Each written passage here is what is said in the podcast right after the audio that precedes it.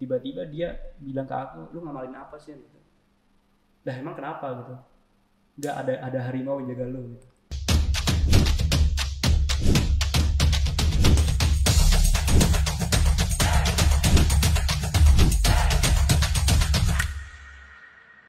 Nah, setelah kejadian nenek itu ngomong gua, ternyata waktu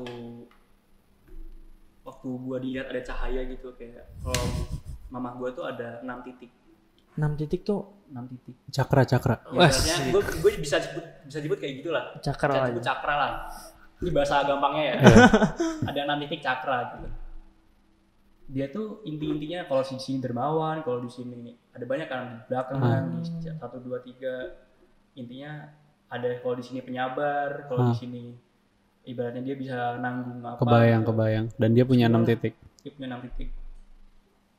Dan gua dapat di sini satu. Itu Itu ber- artinya berarti apa? Back mukanya mukanya nggak sih mukanya nggak sih kayak Gak tahu, nggak tahu. aura di muka gitu kan? Mungkin mungkin mungkin aura ya. mungkin. Mungkin aura. Aku dapat di sini satu. Jadi cogan. Enggak, cara tahu ada titik di sini maksudnya gimana? Orang Kayak orang pintar. pintar aja gitu. Orang pinter. Waktu itu kan karena kenapa kok aku tahu itu? Itu aja aku baru tahu waktu aku udah dewasa loh. Jadi pertanyaan gitu ya kayak ini turunan siapa gitu. Iya, bukan ke adikku yang bukan disembuhin dulu adiknya gitu. Nyokap Adik, dulu. adik, adikku ntar dulu deh. Tapi ada ada ini siapa ini? kalau dari nyokap lo ada kayak iya, cerita kayaknya menarik Iya. menarik di nyokap. cerita yang bener-bener ini banget gak sih? Apa? Yang lo aja nggak percaya tapi kalau denger tuh kayak anjing bener. Hmm, Mungkin jarang cerita juga ya. Karena sering jarang ketemu sih. Oh, jarang. Karena kan aku udah punya rumah sendiri kan. Dulu kan Iya. sering waktu kecil kan mungkin ada cerita tapi aku udah, aku udah lupa. Aha. Tapi ada nggak yang lo inget? Yang tadi paling ya mati berdiri. Yang tadi itu, yang tadi. Tapi aku jujur penasaran sih sebenarnya keturunan eh, mamanya tuh dari apa Dari atau siapa? Eh, eh, kayak penasaran banget Kalau bokap bersih. punya seimpact itu besar itu. bokap mah bersih karena dia gak percaya juga sama kayak gua Ah, waktu mamaku cerita hal-hal kayak gitu Allah apa sih Allah apa sih? Gitu kan kan gak percaya gitu. Karena bodo males nambah pikiran biasanya malah gitu. pikiran. Ngapain sih gue juga gak percaya gitu sama itu. Tapi Iya ada aja waktu misal waktu kumpul keluarga kayak dibahas ada gue punya saudara keluarga namanya Mbah Mat gue manggilnya Mbah Mat dia juga orang orang anu sih orang hebat banget sih. Hmm. ilmunya dia bagus agamanya bagus. Dia kayak orang besar di sana lah Ah, Cukup dikenal nah, dan punya ini. Mama aku bilangnya Pak Demat. Gue bilangnya Mbah Mat atau Pak Demat. Nah, dia tuh bahkan waktu kumpul keluarga nih, keluarga tuh cerita gitu. Dulu yang mau mengislamkan dia. Aku dapat cerita itu baru waktu kemarin Lebaran, Lebaran Idul Fitri. Wow, Yang mau menarik. awalnya kan siapa sih Ustadz siapa sih namanya nah sebelum itu kok Wow.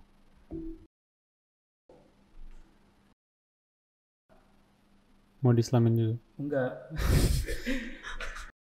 tuh Enggak, gue kira gue kira serius. ini entah bener atau enggak karena cerita dari keluarga gue kayak gitu Hah. masa keluarga gue bohong gitu Iya. Waktu mudik kemarin. Dia bilang kayak gini kemarin waktu itu anaknya Pak Pak Dema tuh mau kuliah. Mau kuliah atau mau apa gitu? Mau cari kerja atau apa? Dia minta modal. Hah. Minta modal. Dikasih. Hmm. Bang gitu. eh nggak jadi. Mau dibalikin. Karena karena kayak ada alasan apa gitu. Gue lupa. Ada alasan apa? Dibalikin lah. Eh nggak mau dianya mau lah Oh. nggak tahu dia udah banyak gitu atau gimana Terus? akhirnya kayak setengah buat masjid setengah buat gereja Wih. Gokil. Koks, koks. gue nggak tahu gue pengen ketemu nih karena karena banyak banget kayaknya dia ilmunya keren banget sih makanya gue pengen ketemu sama dia waktu itu kan gue sempat ke Kradenan juga kan Hah. gue pengen ketemu langsung sama Tapi lu mau dia. mendalami ilmu-ilmu kayak gitu nggak? Enggak. Nggak tertarik ya? Nggak ya?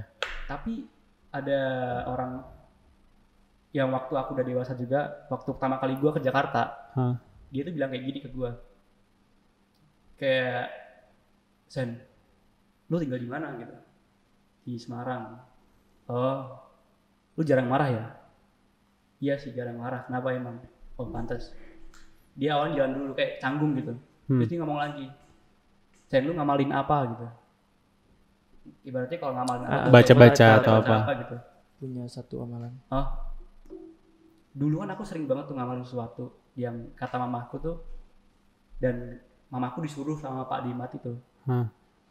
kayak namanya kan Bu, Bu Umi gitu kan Mi anakmu Nyokap, ini nyokap. Hmm. Mamaku bilang dibilang dikasih tahu Pak Dimat Mi anakmu kasih amalan ya latif sama astagfirullahaladzim ya latif Ah, Hmm. Terus? buat dikir gitu. Itu biar dapat perlindungan sama biar nggak dapat orang-orang aneh lah. Hmm. nggak dia nggak dianeh-aneh orang. Waktu dulu aku sering banget kayak gitu. Dan itu bener bener temanku sendiri tuh kayak tanya gitu. Padahal dia tuh nggak tahu. Nggak tahu apa-apa. soalnya kan ngapain juga amalan dikasih atau orang-orang di gua gua nih sering kayak gini gua nih sering kayak gini. Gitu. Hmm. tiba-tiba dia bilang ke aku lu ngamalin apa sih? Gitu. Dah emang kenapa? Gitu nggak ada ada harimau yang jaga lu gitu. Wah anjing gua kaget gitu kan. Gua pulang pulang ke Semarang ngomong ke mama aku kan. Mah masa temanku Semarang temanku di Jakarta kayak gini mah ceritanya. Kata nyokap memang ada. oh gitu. Ini, udah biasa aja udah gitu. tahu, kayak Kayak udah kayak udah- tahu. kayak udah biasa aja gitu udah kayak hal-hal biasa. Oh gitu. Oh masih ngamalin kan yang disuruh mama itu. Ya berarti Ya, nyokap lu tahu. Tahu gitu dia kayak hal kayak gitu tuh udah hal biasa gitu Itu kayak kodam gitu nggak sih? Tahu nggak sih kodam? Tahu. Kayak penjaga kita gitu. Tapi kayaknya beda deh. Kayaknya gua nggak gua nggak tahu sih takutnya ke sana gua so tahu. Tapi kayaknya itu lebih ke karena lu mengamalkan itu. nah Jadi Allah tuh ngasih penjagaan. Iya iya dong orang lu baca asmaul husna. iya Gokil iya sih. Jadi kayak ada kan kodam juga eh, kayak setiap katanya setiap orang tuh punya penjaga gitu. Cuman Iya. ya berbeda-beda aja. Eh, entah apa entah apanya. Gua kelinci sih kayak. kalau dari orang yang gua kenal dan itu kan bukan satu orang doang yang ibaratnya bisa lihat gua ada dua ada dari empat temen gua yang dia bisa lihat gua ada Hmm. dua dan sama-sama jawab jawabnya sama semua kayak harimau, Harimau. sama cewek cewek itu dia buat jaga gua kalau misal gua kenapa-napa sama cewek gua nggak bisa deketin sama cewek sembarangan Hmm. Keren juga cerita. Iya, ya, gokil juga. jadi eh, kenapa kok teman-teman cewek gua nih dia banyak banyak banget nih tem- ada beberapa orang cewek yang mau nyerang gua dia nggak bisa Maksudnya nyerang dalam arti apa nih? nyerang nyerang ya gitu lah Oh, lah iya. kalau cowok gimana Iya, iya, iya. diserang apanya Oh, iya. Gokil juga ya cerita-ceritanya. sama harimau harimau itu muncul karena gua sabar itu Ah. muncul ke orang-orang yang sabar doang Untung gua sabar. Berarti gua punya harimau. Gak tahu ya. Soalnya dia bilang kayak gitu teman gue itu. Tiba-tiba aja kayak random banget bilang kayak gitu. Lu sabar ya sama orangnya gitu. Lu jarang marah ya gitu. Ya oh pantas sih gitu. Pantas kenapa emang?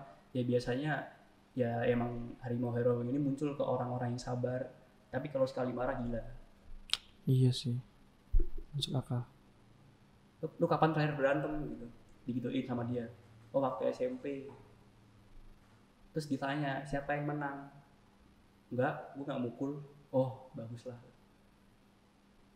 Katanya dia bilangnya kalau kalau gua mukul, kalau waktu kondisi gua marah banget, Bad trip. itu bisa bad, bad trip banget sih. Soalnya gua nggak, tapi emang emang, emang dipikir-pikir, kapan ya gue terakhir marah sampai bener-bener emosi, gue pengen mukul orang. Gue juga nggak pernah. Gue juga nggak pernah ngalamin Terakhir kelas 3 SD sumpah. Gue masih inget banget. Berantem. Iya. Bener-bener pukul-pukulan. Ya tapi pukulnya bukan yang kayak bener-bener Oh, sampai iya, oh, oh. tahu kan anak SD yang pukul-pukulan segala macam. Gue nggak sampai situ. setiap ribut gue selalu ngalah mulu gitu. Maupun lu mau ngata-ngatain gue, mau mau lu mau jelek-jelekin gue, mau jelek-jelekin langsung atau sosmed gitu. Gue selalu ngalah mulu. Tapi waktu kondisi mentok banget, emosi banget, nah itu gue belum pernah, Sama. Jujur. belum pernah sama sekali. Keren-keren sih. Salut toko. Ada masalah. Kayak eh, berhubungan sama bisnis. Hmm. Gue yang kayak tadi gue bilang, gue tuh anaknya kebalikannya lu. Gue takut bersetan, tapi kalau persantetan gue tuh yang kayak nggak mau nggak mau percaya. Berusaha untuk tidak memikirkan ke arah situ. Hmm. Tapi di titik ini gue bener-bener kayak anjing ini nggak make sense banget. Kayak apa jangan-jangan beneran ada yang ngirim ke gue gitu. Karena gue waktu itu sempat ada masalah sampai bobo pengacara gitu kan. Nah eh gue mikir kayak apa jangan-jangan ada yang di, ada yang ngirim? Gitu kan. Terus gue bilang ke bokap kayak tentang masalah itu terus kata bokap udah gak usah dipikirin itu urusan bapak. Nanti nggak maju-maju mikirin gitu kata bokap gue kayak gitu tapi ternyata pas bokap gue tanya kayak nggak itu bukan sesuatu yang buruk. Dan pas gue ngelewatin emang gue yang kayak iya gue gue bersyukur gitu masalah itu terjadi ke gue jadi masalahnya gue ngerasa berat banget tapi gue gue tuh maksudnya di dunia Ngelewatinnya gitu. di du- dunia bisnis di dunia yang pokoknya yang bu yang lu tuh berdiri sendiri ya itu kan masalah hampir tiap hari datang kan. Ya pasti. Biasanya gue kalau ada masalah tuh yang kayak oke apalagi nih pelajaran yang bisa diambil. Nah di titik ini gue ngerasa kayak gue udah maksimal banget loh. Ngerti gak sih? Gue udah maksimal banget tapi ini masalahnya nggak make sense banget gitu. Misalnya gue udah maksimal salahnya satu persen 10 persen oke. Ini kayak 100% salah kayak apa gitu. Mm-mm. tapi setelah itu lewat kayak oh iya ini cuman rintangan kasarnya. Setelah itu lewat gue bener-bener dikasih kasarnya anugerah yang besar banget gitu. Ngerti gak sih? Gitu. pelajaran banget Iya, masalah heeh, itu itu sih pertama kali gue sampai mikir kayak cinggu santet Eh, sih ngomongin dikirimin sama orang, kayak yang tadi aku ceritain juga, aku pernah punya, pengalaman juga kayak dikirimin orang itu. Cuman jujur aku nggak tahu ini apakah bener dikirimin dari orang atau memang aku lagi sakit aja. ah Eh, yang perutku sakit, perutku sakit banget gitu, Eh, melilit beberapa hari nggak sembuh sembuh, pernah dibawa ke dokter bawa obat gitu. Terus akhirnya dibawa ke orang pinter. Nah sama orang pinternya tiba-tiba aku disuruh tiduran aja. Dia setelah dia ngobrol dengan ibu dan bapakku, aku disuruh tiduran aja. Terus tiba-tiba dia bawa ayam, ditaruh di atas perutku, darahnya ditumpahin ke perutku. Terus di kayak diolesin gitu, ayam hidup ayam hidup kayak ayam jago gitu. Setelah diolesin, Potong gitu? Ah, ah, di atas perutku dipotong, terus darahnya sengaja diolesin ke seluruh perut. Beberapa hari kemudian ya mendingan gitu. Udah udah sembuh gitu. Aku juga nggak percaya nggak percaya sih maksudku ini benar atau enggak gitu. Tapi benar aku alamin ketika aku kelas 2 atau kelas 3 SD gitu.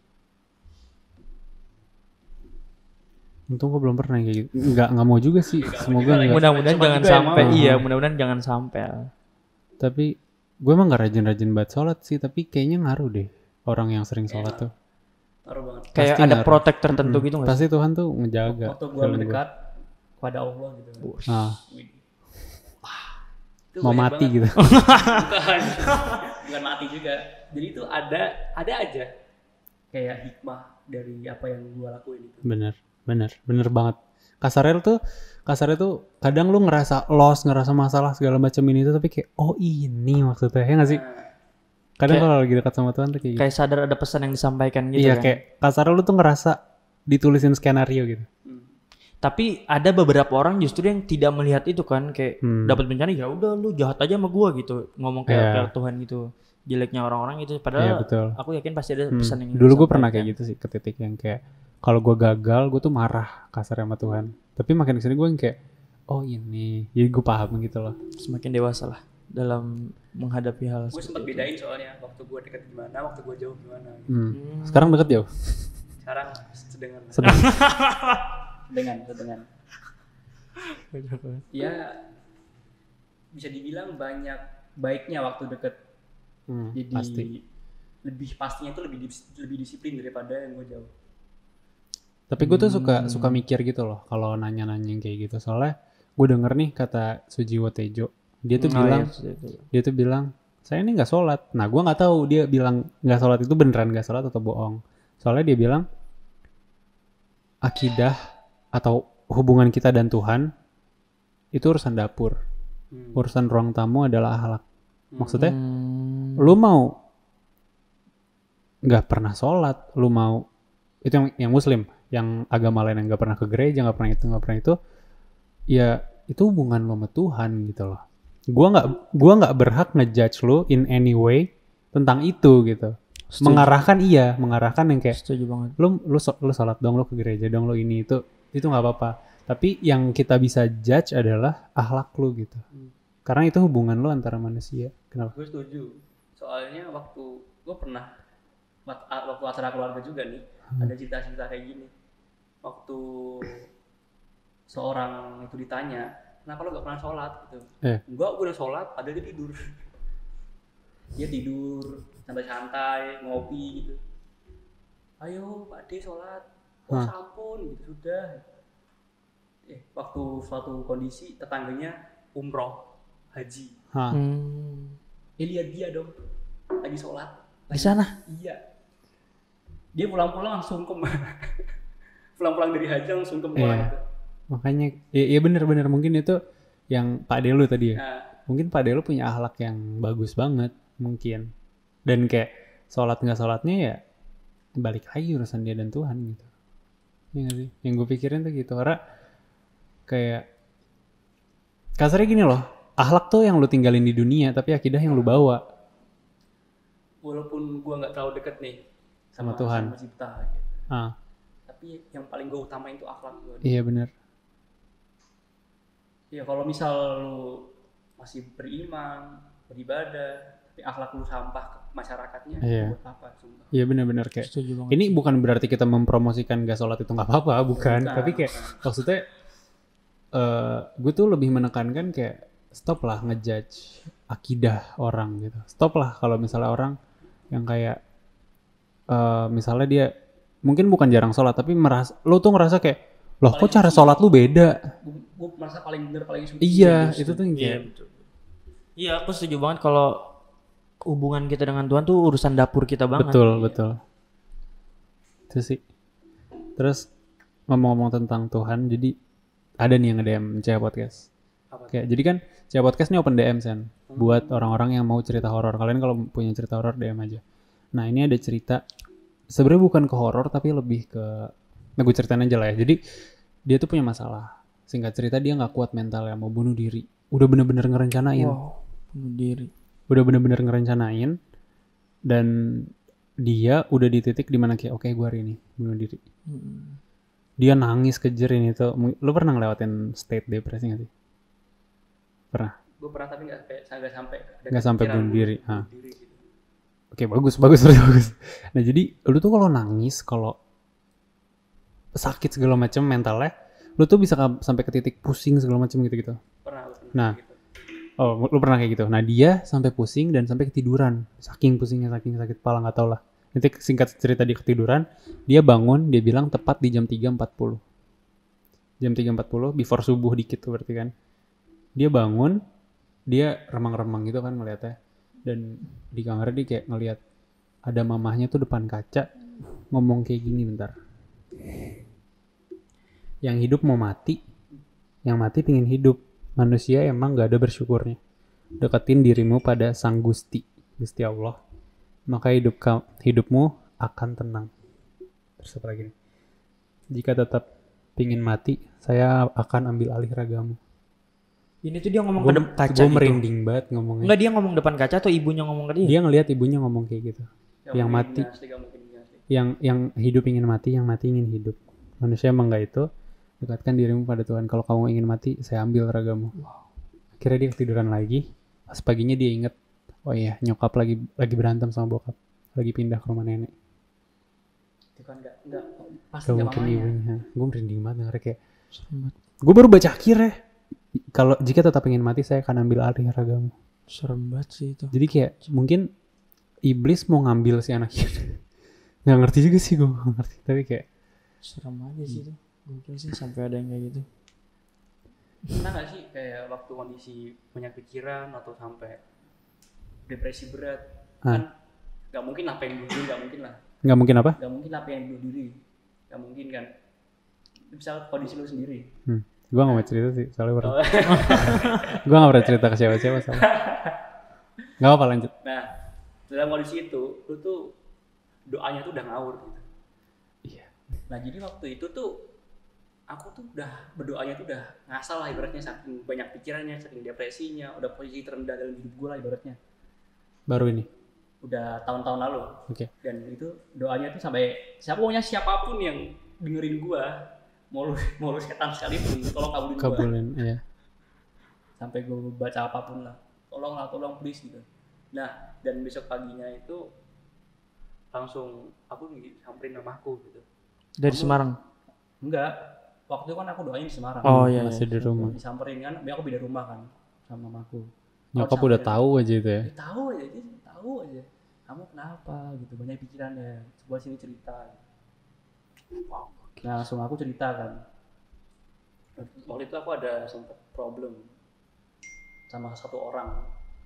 Dan orang itu aku ceritain ke dia dari bentuk fisiknya dari fotonya aku liatin dari Pokoknya semua detail-detailnya. semua detail-detailnya aku ceritain semua. Waktu aku senang waktu aku susah kok tiba-tiba dia kayak gitu gitu. Hah. aku ceritain semuanya. Padahal aku nggak pernah cerita ke mamaku seseorang yang pernah aku alami gitu. Hmm. ibaratnya ini masalah aku aku udah dewasa ya udah jalan sendiri. Tapi itu udah mentok banget kan aku pengen cerita gitu. Nah mamaku tanggapannya tuh cuma ya nanti malam mama doain dianya. Tolong dong kirimin fotonya ke mama gitu. Sama nama lengkapnya aku send deh fotonya ke dia mamaku. Besoknya waktu aku mau makan kan aku mau pulang ke ke- pulang ke rumah mamaku mau makan. Waktu mau makan dia nyamperin dia cerita kayak oh orang ini nggak baik buat kamu. Makanya dijauhin. Soalnya doa mama jangan sampai lu deket sama orang yang salah. Nah. Apa, pokoknya apa pun kalau misalnya gue deket sama orang berhubungan sama orang kalau misalnya mama gue nggak setuju tuh serem. Hasilnya. Nah, soalnya waktu mamaku bilang waktu aku makan kan orang ini ada tiga titik di, di sini kalau gue satu di mata Hah. dia ada tiga titik di sini ada tiga titik di Artinya? bagian Wajah. dagu dagu sini lah rahang dagu Hah. artinya mamaku dia jago ngomong jago manipulasi pinter buat kamu bahagia tiba-tiba itu Iya iya. dari situ gue kayak oh ya udah gue langsung tenang hidup gue udah nggak mikirin lagi Udah terlalu oh yang berarti emang udah nggak cocok nih gitu. dia Hmm? kayak bisa lihat tuh orang orang itu muncul di mimpi mama gitu hmm. di sininya kayak ada sinar tiga kalau mama gue ada enam kan Hmm. Wih, kalau gue satu di sini tapi yang baik-baik nyokap ya cakra. ada cakra lah.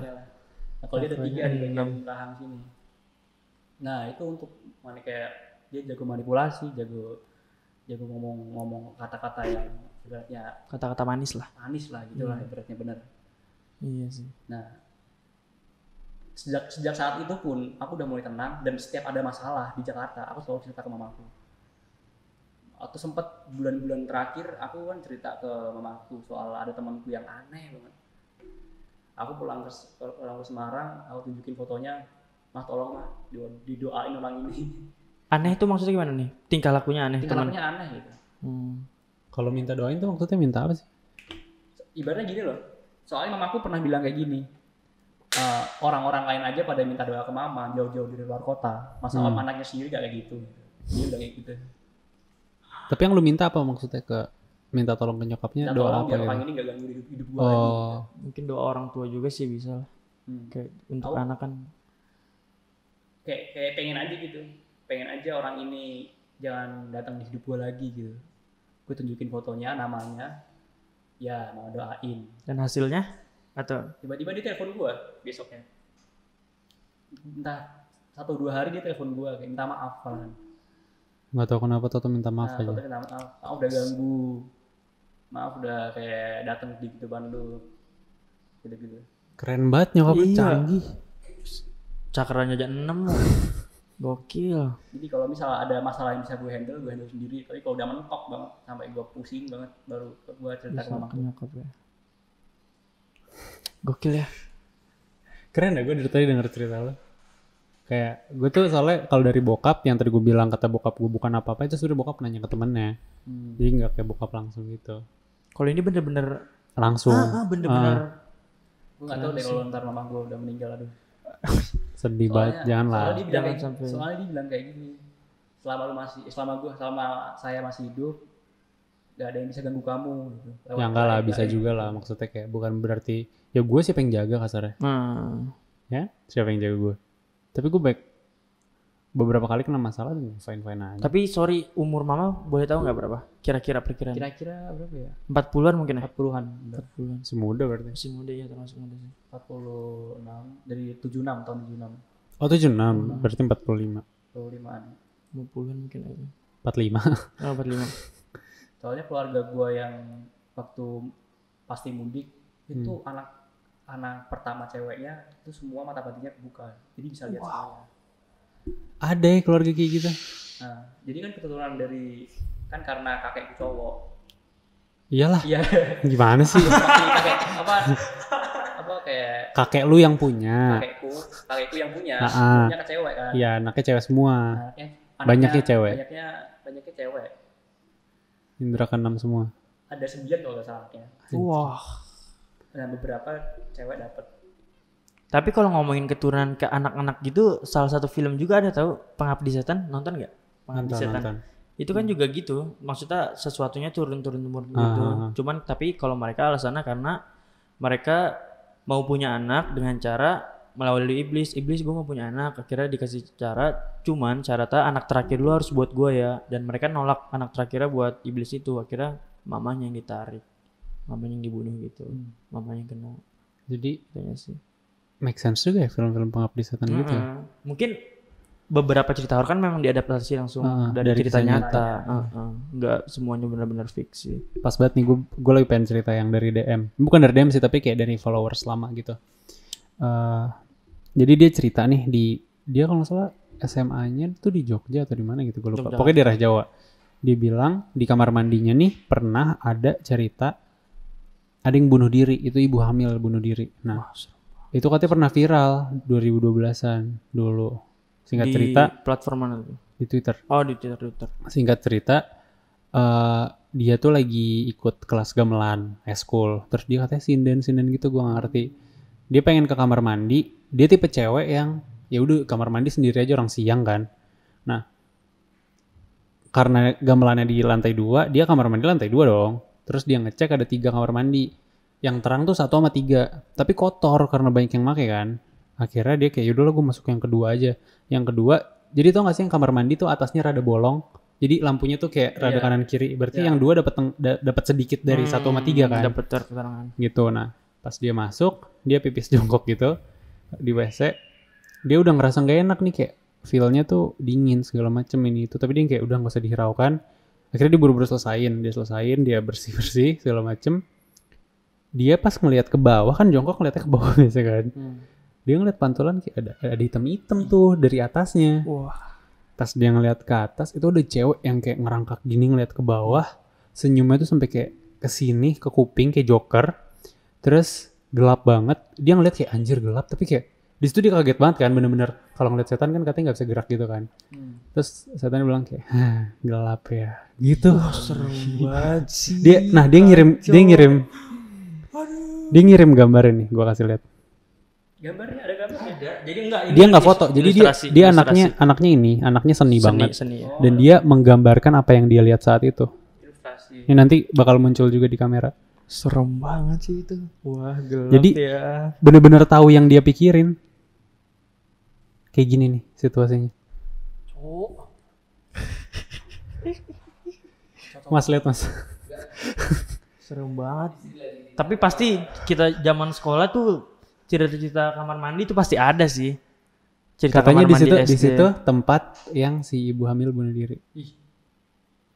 Serem banget ya kalau bisa. matanya merah loh itu Iya iya matanya merah, mukanya hitam semua dan dia lagi Kan kayak kondisi gelap gitu loh, kondisi gelap gitu. Serem banget ya. Ini kayak iya gelap ya. Dan katanya ceritanya pernah viral di Twitter juga. Heeh. Cerita yang viral tuh bukan cerita dia, tapi cerita yang ibu-ibu bunuh Oh, ibu dirinya. bunuh diri itu. Oh. Gitu. Gokil. Emang cerita-cerita cewek podcast nih yang DM DM segala macam tuh kacau juga cerita-cerita. soalnya nggak pernah ngalamin langsung ya langsung ngalamin nggak pernah Gua, gua sendiri ya kita Oh. bagus. Alhamdulillah. jangan sampai. Tapi ngomongin kalau yang senyum-senyum gitu aku punya ada sih cerita setan yang yang s- mungkin serupa juga. Dari Seru- DM juga. Dari DM Ah. juga. Ini serupa tapi tak sama. Jadi eh, dia tuh lagi nonton bola gitu lah. Anak laki kan ya, ini laki-laki dia nonton bola gitu. Dan TV dia lumayan besar gitu, yang gede lah bisa eh, kelihatan satu ruangan gitu. Jam 10 malam dia suka udah ngantuk-ngantuk, aduh udah ngantuk nih gua. Kira dia matiin TV. Trep. Nah pas matiin TV di sampingnya tuh ada yang senyum di, di pantulan TV itu dia kan sambil ngeliat ini. Trep. Dia langsung diem di samping dia ada yang senyum. Samping dia. Samping dia Di pantulan TV-nya. di pantulan TV-nya dia lagi duduk di samping sininya Eh, ada yang senyum kita nggak ngapa-ngapain dong pasti nggak nggak langsung gini dong Ah. takut juga kan dia senyum setelah senyum di sebelah kiri dia ada bayangan hitam bolak-balik tiga kali satu dua tiga Terus Ih merinding sorry sorry. Terus setelah kejadian itu dia kita pasti otomatis langsung masuk kamar dong. Dia nggak ngeliat ke kanan atau ngeliat ke kiri eh, buat negesin itu apa. Dia langsung masuk aja ke Cabut kamarnya. aja Cabut gitu aja. Ti- Dia tidur kebesokan paginya dia langsung sakit. Nah menurutku ini eh, menurutku ini kayak ada hubungannya dengan apa yang tidak eh, tadi kita omongin juga kayak santet-santet gitu. Nah, Bisa jadi juga eh, orang yang dikirimin gitu nggak berwujud tapi ada juga yang ditampakin orangnya gitu. ah, ah, ah. Nah pas besokannya itu dia langsung sakit dan dia bertanya-tanya eh, dan keluarganya pun bertanya apakah emang ini kiriman dari orang atau memang emang setan emang aja. emang setan aja. Katanya sih emang kalau orang disantet tuh pasti ada cerita-ceritanya, Ah, ah, bukan cuma masalah sakit segala macam. Tapi biasanya kalau orang disantet itu pasti berawal dari masalah juga gak sih? Kayak dia punya Biasanya iyalah. hubungan kurang baik dengan orang, nggak Ah, tiba-tiba gitu, gitu. Kayak pasti temen gue sendiri pernah disantet disantet. Kenapa? sama mantannya. Anjrit. Jahat banget sih. Ya jadi eh, ada satu cerita lagi dari DM dan kalian mungkin belum tahu. Aku adalah salah satu orang yang paling takut banget sama hantu pocong. Karena beberapa referensi, referensi ceritaku banyak tentang pocong. Ini salah satunya. Jadi eh, ada anak kecil gitu nih dari DM ya. Dia tuh eh, ketika masih kecil gitu, eh, dia tuh paling gak suka ketika dia pup di kamar mandi pintunya ditutup. Dia Ya, paling orang masih takut. dia dia paling gak suka banget karena dia parno ketika di dalam kamar mandi itu takutnya eh, apa pokoknya gue nggak suka ditutup gitu terus akhirnya eh, ada orang yang iseng nutup gitu. Kan anak kecil pasti jahil dong. Ayo tutup tutup tutup tutup tutup. Akhirnya dia ditutup. Dia tetap maksa buka kan. Set, eh, ini di rumahnya dia tapi kondisinya lagi gelap gitu aja. Dibuka. Ya dia tetap tetap santai eh BAB-nya tiba-tiba ada wujud di ngelewat di depan kamar mandinya. Ngelewat set diem dia tiba-tiba ada gitu bukan bukan jalan gitu dia tiba-tiba ada satu wujud tiba-tiba mandep ke samping langsung lompat-lompat Trak, trak, trak. coba bayangin lagi BAB gitu dia lagi BAB terus benar-benar tiba-tiba ada wujud mandep samping lompat-lompat pas itu dia langsung brak langsung tutup pintunya langsung deg-degan di kamar mandi sendiri dan menurutku Pasti pocong.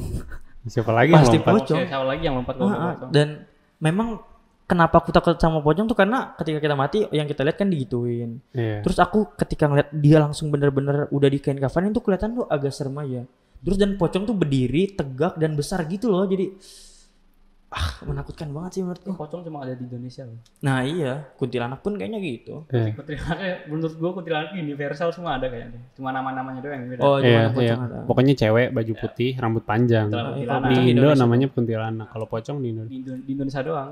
Iya sih ya gitu lah Tapi emang di Indo tuh yang setan paling banyak ya di Indo dah. Kolong Iya. kolong wewe, wewe, genderuwo, genderuwo segala macam. tuyul ya Tuyul.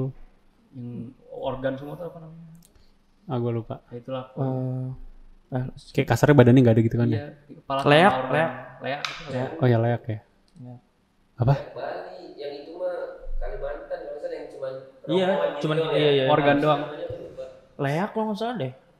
Nggak tahu nggak tahu. Iya pokoknya itu deh. Pokoknya serem. Buat yang nggak tahu komen aja kamu. Lo ada cerita lagi nggak nih?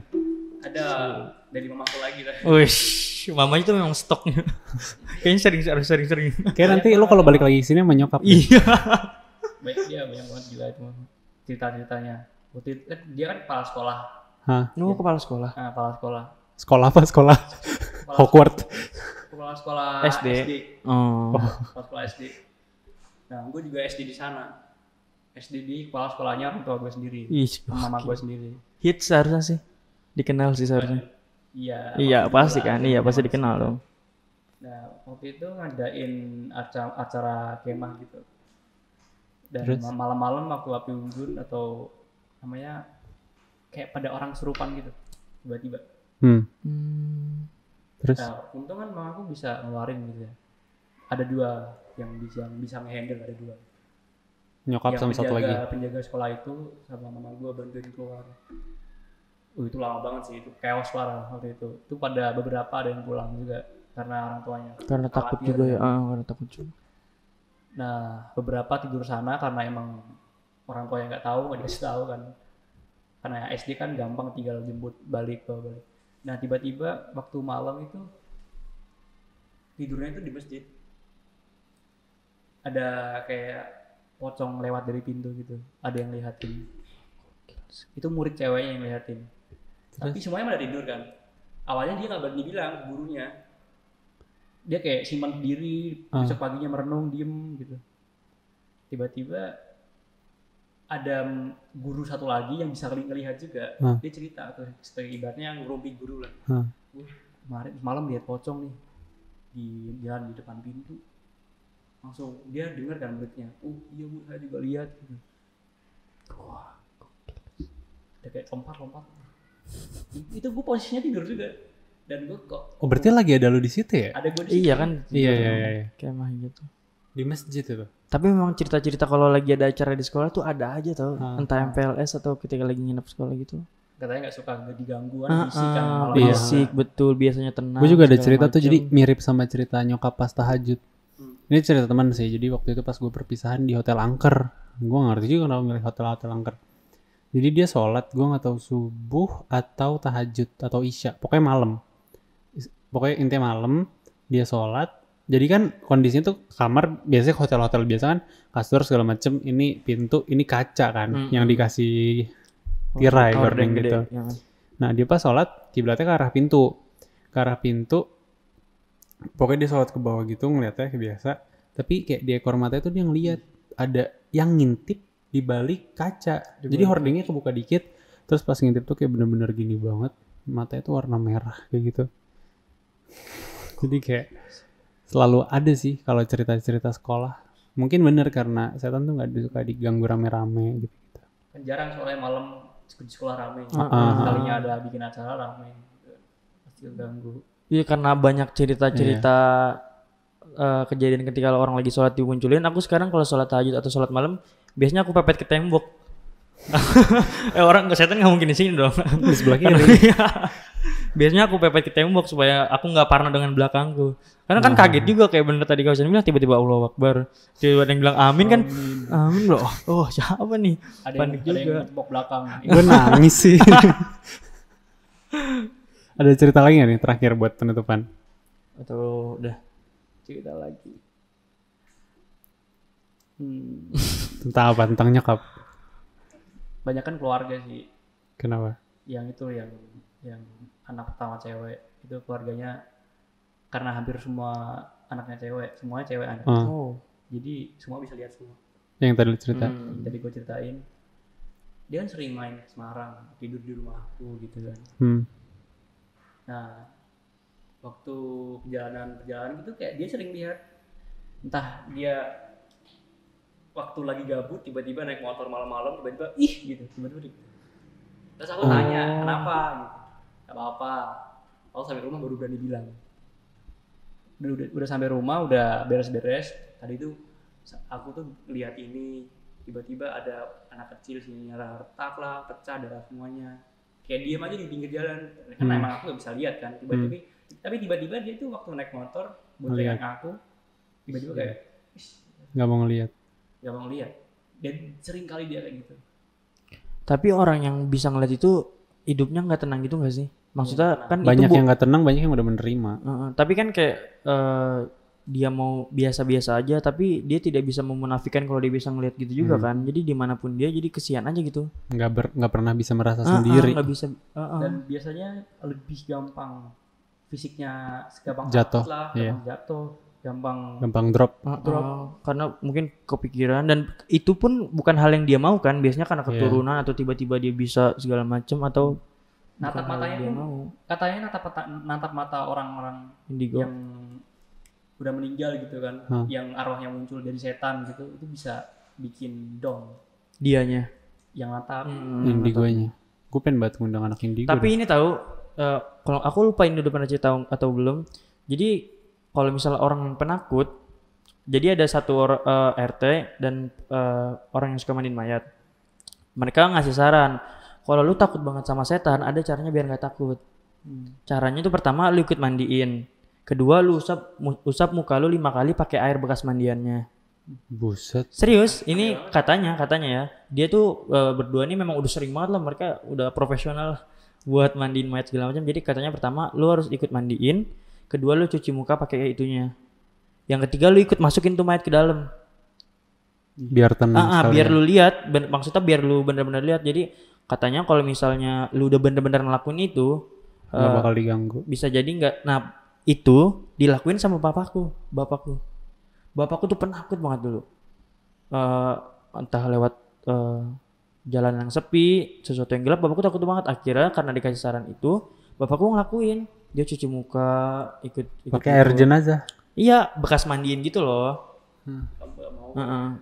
Terus setelah itu benar bapakku ja- jauh lebih berani dibandingkan sebelumnya. Aku nggak tahu ini mitos gitu sih nggak sih jatuhnya? Kayak- sugesti atau beneran. Ah, ah, jadi kayak mitos gitu, cuman itu kejadian ke bapakku sih. Hari ini kita ngobrol nyantai-nyantai tapi kayak ke mana-mana banget ya. horor iya kayak gue tuh gue tuh anaknya emang yang tertulis banget kan Sen tapi kayak jadi tadi si Usen bilang kalau dia tuh anaknya anti script banget terus ternyata bener pas Iya, kita bener. ngobrol Baru ke mana-mana banget, banget iya, yang keluar banget. dari kemarin ditanyain gak bisa tapi pas sekarang udah baik banget Hmm. Anyway, ini segitu dulu podcast kita hari ini. Semoga Usen bisa balik lagi. Thank you banget udah Oke. datang. Dan thank you banget kalian udah nonton. Kalau misalnya mau cek sosmednya dia langsung cari aja at Kazama Husen kan ya. Kazuma Hussein Oke. Thank you for watching. See you on the next episode. Bye. terima kasih